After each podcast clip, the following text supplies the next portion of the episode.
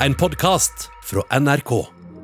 6500 arbeidere har dødd mens Qatar har gjort seg klar til verdens største fotballfest. Nå vil norske fotballag at Norge skal boikotte fotball-VM neste år.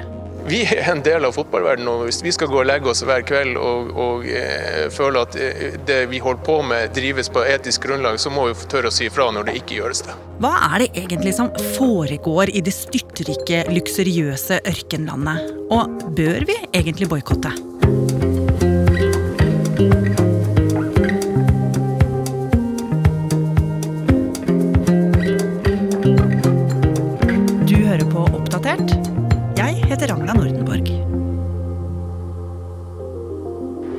And now enough for 218. We go to 222. Det er 2010, og Fifa-presidenten står på en scene med en fullsatt sal foran seg. May I ask again uh, the uh, public notary of Zurich to give me the envelope? Thank you. Noen kommer inn fra siden og gir ham en hvit konvolutt. Han åpner den, og mens han trekker ut lappen, så snur han hele konvolutten mot publikum, sånn at alle skal få se hvem som får æren av å arrangere fotball-VM i 2022. The winner to organize the 222 FIFA World Cup is Qatar. I salen reiser representantene fra Qatar seg. De jubler og gråter av glede. For for første gang så skulle Midtøsten altså arrangere fotball-VM. Og oljestaten Qatar kunne glede seg til å tiltrekke seg turister og businessforbindelser på en helt ny måte. Mens andre undret seg over denne avgjørelsen. Hvorfor skulle et ørkenland med ekstrem hete uten særlige fotballtradisjoner få fotball-VM? Svaret kom i flere rapporter. Svært mange av Fifas styremedlemmer hadde fått millioner av kroner for å stemme på Qatar. Noe Qatar nekter for. Men til tross for protester var avgjørelsen tatt. Og det lille styrterike landet gikk i gang med å bygge en helt ny luksuriøs VM-by midt i ørkenen. Med hoteller tilpasset verdens rikeste, futuristiske kjøpesentre og flere fotballstadioner til sterke advarsler fra menneskerettighetsorganisasjoner som sa at alt dette ble bygget av fattige arbeidsinnvandrere. Og Qatar tok grep, og hevdet at de nå innførte store reformer for å gjøre alt bedre for arbeiderne. Men hjemme i Norge satt Håvard Melnes. Han er redaktør i fotballbladet Josimar og lurte på hva som egentlig foregikk i Qatar. Og i 2018 bestemte han seg for å dra ned og se. Før jeg eh, reiste til Qatar, så fikk jeg jo eh, flere advarsler. Men det er spesielt en jeg husker godt, og som når jeg tenker på det den dag i dag, så blir jeg fortsatt litt paff. Jeg ringte til den norske ambassaden i Abu Dhabi i Emiratene og snakket med en dame der.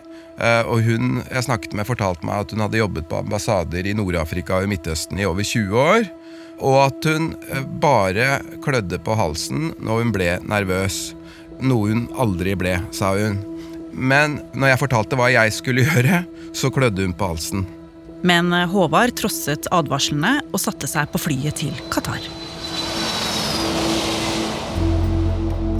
Jeg lander på Hamad International Airport eh, midt på natta. Jeg merker med en gang at det er en helt annen temperatur i Qatar enn det er i Oslo i februar. Jeg kommer ut av flyplassen, setter meg i en taxi. Eh, det er helt mørkt. Altså, Qatar er jo et ørkenområde. Eh, Og så kjører vi inn mot eh, Doha, hovedstaden. Og så i det fjerne så ser jeg lys som blir sterkere og sterkere jo mer vi nærmer oss. Og da kjører vi mot West Bay, altså som er et område som er eh, hypermoderne. Der spektakulære high-rises eh, står tett i tett. Og West Bay, for 20 år siden, så var dette bare et ørkenområde. For da qatarerne virkelig satsa på oljeindustrien på 1970-tallet, etter å ha gjort store funn, ble landet raskt en oljegigant og et av verdens rikeste land. Hypermoderne byer poppet opp av ørkenlandskapet. Men til å gjøre jobben hentet de inn millioner av arbeidere fra andre land. I dag er opp mot 90% av befolkningen fremmedarbeidere. Og det er resultatet av deres arbeid Håvard så da han kikka ut av vinduet i taxien på vei til hotellet denne februarnatta. Tidlig neste dag blir jeg plukket opp utenfor hotellet av Isuru, som skal være min kjentmann og sjåfør under hele mitt opphold i Qatar. Det første han gjør, er å kjøre meg til en kunstig halvøy som heter The Pearl. Her bor noen av de absolutt rikeste qatarerne.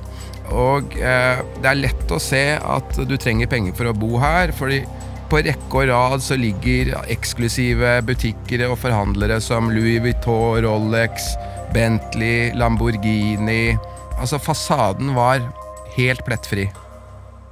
VM-komiteen eh, visste jo godt at jeg var i landet, og allerede første dag så ringte en person, en person som ringte meg daglig og sendte meg tekstmeldinger daglig, for jeg hadde et inntrykk at han eh, ville snoke i hva jeg gjorde i Qatar. Samtidig kom han også med en rekke forslag om hva jeg burde gjøre mens jeg var i Qatar. Han foreslo at eh, jeg burde dra til strendene i nord, de var praktfulle, sa han. Han foreslo at eh, jeg burde dra til strendene i sør, de var også praktfulle. Men jeg var jo ikke i Qatar for å ligge på stranda eller for å se på attraksjoner, jeg var der for å snakke med fremmedarbeiderne. Men arbeiderne var ikke så lett å få tak i. For veldig mange av dem bor i egne områder langt unna de luksuriøse byene. Så Håvard fikk hjelp av sjåføren sin i Suru. Og en dag tok han Håvard med til en av de største arbeiderbyene i landet, Shenaya. Det som var påfallende eh, når vi kom utenfor Shenaya, var at det var hundrevis, kanskje tusenvis med hvite busser. Disse hvite bussene er karakteristiske for Qatar, for det er de som transporterer fremmedarbeiderne fram og tilbake til jobb, til arbeidsstedet. Men de hvite bussene finner du ikke på motorveien. De hvite bussene får ikke lov til å kjøre på motorveien. De må kjøre på såkalte truck roads, som gjør at en lang arbeidsdag blir enda lenger fordi man bruker så lang tid til og fra arbeidsplassen. Så nå befinner jeg meg utenfor Shania, Shenaya, og så oppdager jeg en kontrollpost. Og så tenker jeg at bak den kontrollposten kan jeg finne svaret på om arbeiderne har fått det noe bedre, eller om det er Qatar som er ute og, og sminker sannheten. De neste dagene skulle jeg bruke mange timer i Shenaya. Noen dager så passerte jeg uoppmerksomme sikkerhetsvakter ved kontrollposten. Andre dager så måtte jeg godsnakke med dem. Eh, andre dager igjen så måtte jeg fortelle at jeg var journalist og eh, var invitert av VM-komiteen. Noe som var en sannhet med visse modifikasjoner. Hm. Og hva eh, fant du ut der inne? Shania er et hva skal jeg si, falleferdig industriområde som består av brakker og konteinere. Og i disse brakkene og konteinerne så bor det titusenvis av arbeidere. Og en kveld jeg var i Shania, kom jeg i snakk med fire karer fra Bangladesh. De fortalte meg at uh, de uh, blir hentet klokken fem om morgenen og er tilbake i arbeidsleiren klokken syv på kvelden. Nå hadde de akkurat kommet tilbake fra arbeidsplassen, og de inviterte meg inn på rommet. Rommet, altså inni denne brakka, eh, var et bitte lite rom der det var åtte køyesenger og 16 sengeplasser. Arbeiderne hadde alle personlige eiendeler under senga. Eh, rommet var uten do og dusj, ingen vinduer. Luften var nærmest eh, ubeskrivelig dårlig. Det var veggdyr og kakerlakker. De fortalte at de var i Qatar for å forsørge koner og barn hjemme i Bangladesh. Jeg spurte om å få se eh, lønnsslippene deres, og de viste meg lønnsslippene som viste at de tjente 1100 kroner i måneden. Ja, og dette var jo mye mindre enn minstelønna som myndighetene hadde lovet å gi arbeiderne. Håvard hadde satt seg som mål å besøke flest mulig av disse områdene hvor arbeiderne bodde, men det var ikke alltid han hadde hellet med seg.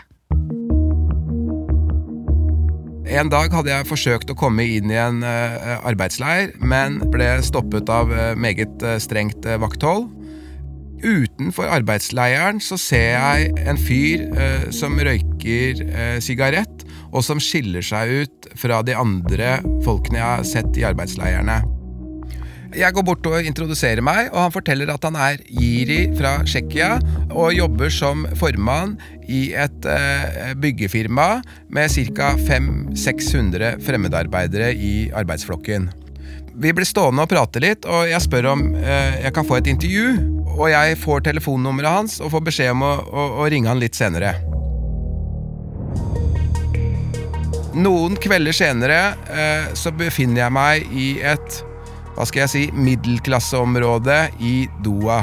Her bor det ingen qatarere, eh, men her bor det arbeidere med en viss lønn og status. Jiri er veldig varsom og eh, redd for at noen av naboene skal oppdage at han har besøk. Eh, så vi blir nærmest smuglet inn i leiligheten hans. Fordi Jiri vet at hvis noen oppdager at han snakker med journalister, så kommer han øh, mest sannsynlig til å miste jobben og bli deportert dagen etter.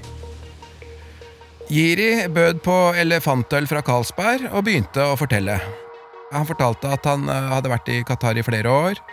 Han blir bedre behandlet fordi han er en hvit europeer enn sine arbeidskamerater fra Asia. Eh, hadde sett og opplevd mye, og han fortalte at han etter hvert hadde blitt helt nummen eh, mot arbeidsulykker, fordi han hadde sett så mange.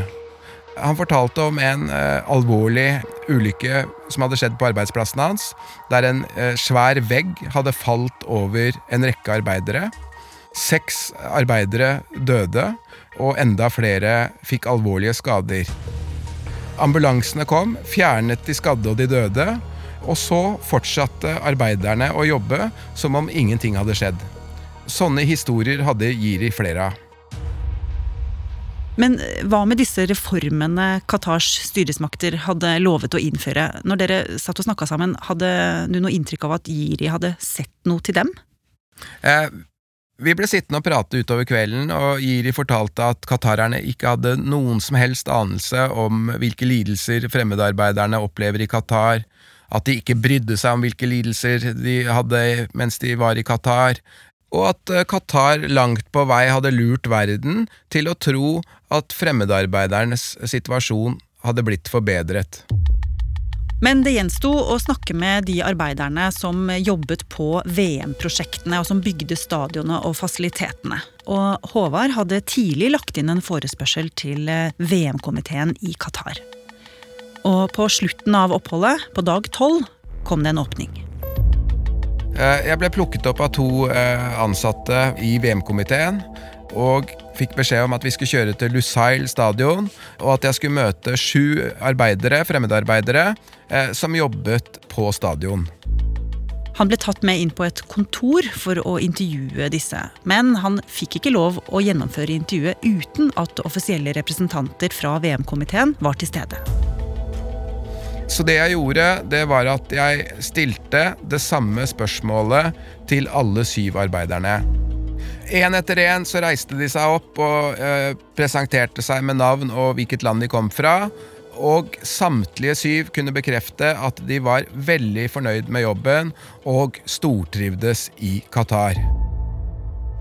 Dette var jo de eneste syv fremmedarbeiderne jeg møtte under hele mitt opphold i Qatar, som eh, både trivdes i jobben og eh, stortrivdes i Qatar.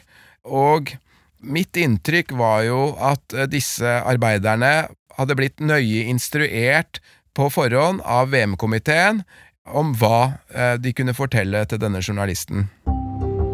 Etter et par dager dro Håvard hjem og satte seg ned og begynte å skrive artikler fra turen. De ble publisert i Josimar og Morgenbladet og også den britiske avisa The Independent. Men selv om Håvard fikk vist fram de elendige forholdene til fremmedarbeiderne i Qatar, så var det lite som skjedde. Men nå, for noen uker siden, publiserte den britiske avisa The Guardian en artikkel som fikk mange til å reagere. The 2022 World Cup will be played on a cemetery. The paper connects the deaths um, to Qatar's unprecedented World Cup building plan, which involves not one but seven stadiums and dozens of major projects, such as an airport and even an entirely new city uh, just to host the final game. Avisa hadde fått hentet inn tall fra ambassader i mange land og funnet ut at minst 6500 arbeidere har dødd i Qatar etter at landet fikk tildelt fotball-VM i 2010. Det var folk fra India, Pakistan, Nepal, Bangladesh og Sri Lanka. Og avisa skrev at det er svært sannsynlig at veldig mange av de døde var i Qatar nettopp for å bygge opp landet før fotball-VM.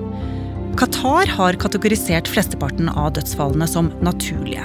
Men ifølge The Guardian blir som regel de døde ikke sjekka, og den medisinske underliggende årsaken blir aldri funnet. Det at arbeiderne må jobbe i ekstrem varme, er årsaken til mange av disse dødsfallene, hevder avisa. Og etter at denne saken ble publisert, så skjedde det noe helt nytt. Tromsø, Strømsgodset, Viking, Odd og Brann har støttet et forslag om en boikott. Og i kveld er det også årsmøte hos Rosenborg i Trondheim, der dette blir diskutert. Norges Fotballforbund mener ikke at boikott er veien å gå. Og om landslaget reiser til mesterskapet, blir nok først avgjort på fotballtinget til neste år. Det vi har sett de siste ukene, er grensene til revolusjonerende et grasrotopprør i uh, Fotball-Norge blant supportere mot sentralmakten på et uh, nivå vi aldri har opplevd. Jan Petter Saltvedt er sportskommentator i NRK.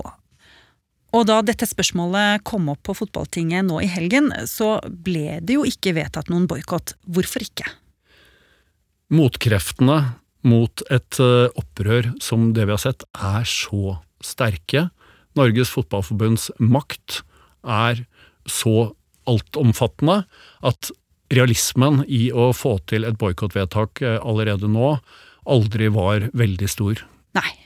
Og Fotballforbundet har jo sagt at de er enige i kritikken mot Qatar, men at det ikke vil hjelpe at lille Norge boikotter alene, og at de heller vil påvirke Qatars syn på menneskerettigheter.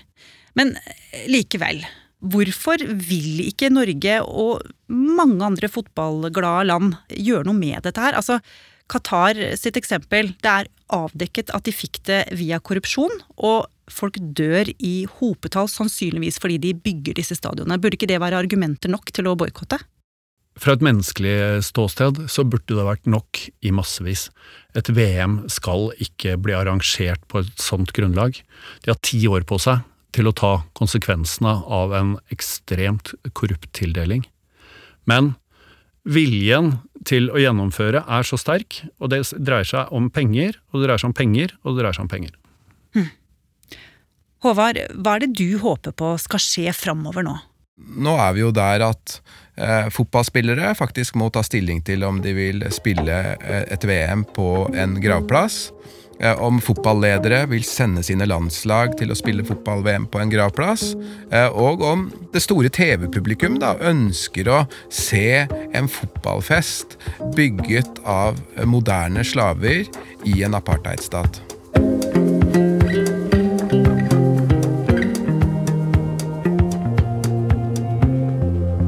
Har du lyst til å bli fast lytter av oss i Oppdatert og få påminnelse om nye episoder, så er det bare å abonnere på oss i NRK radioappen. Og så er det veldig hyggelig hvis du vil anbefale oss til en venn. Oppdatert er en podkast fra NRK Nyheter, og denne episoden er laget av Ida Tune Øretsland, Andreas Berge og meg, Ragna Nordenborg. Eva Midthun Leira er redaksjonssjef. Vil du kontakte oss, gjør gjerne det på oppdatert krøllalfa nrk.no. Du har hørt en podkast fra NRK. Hør flere podkaster og din favorittkanal i appen NRK Radio.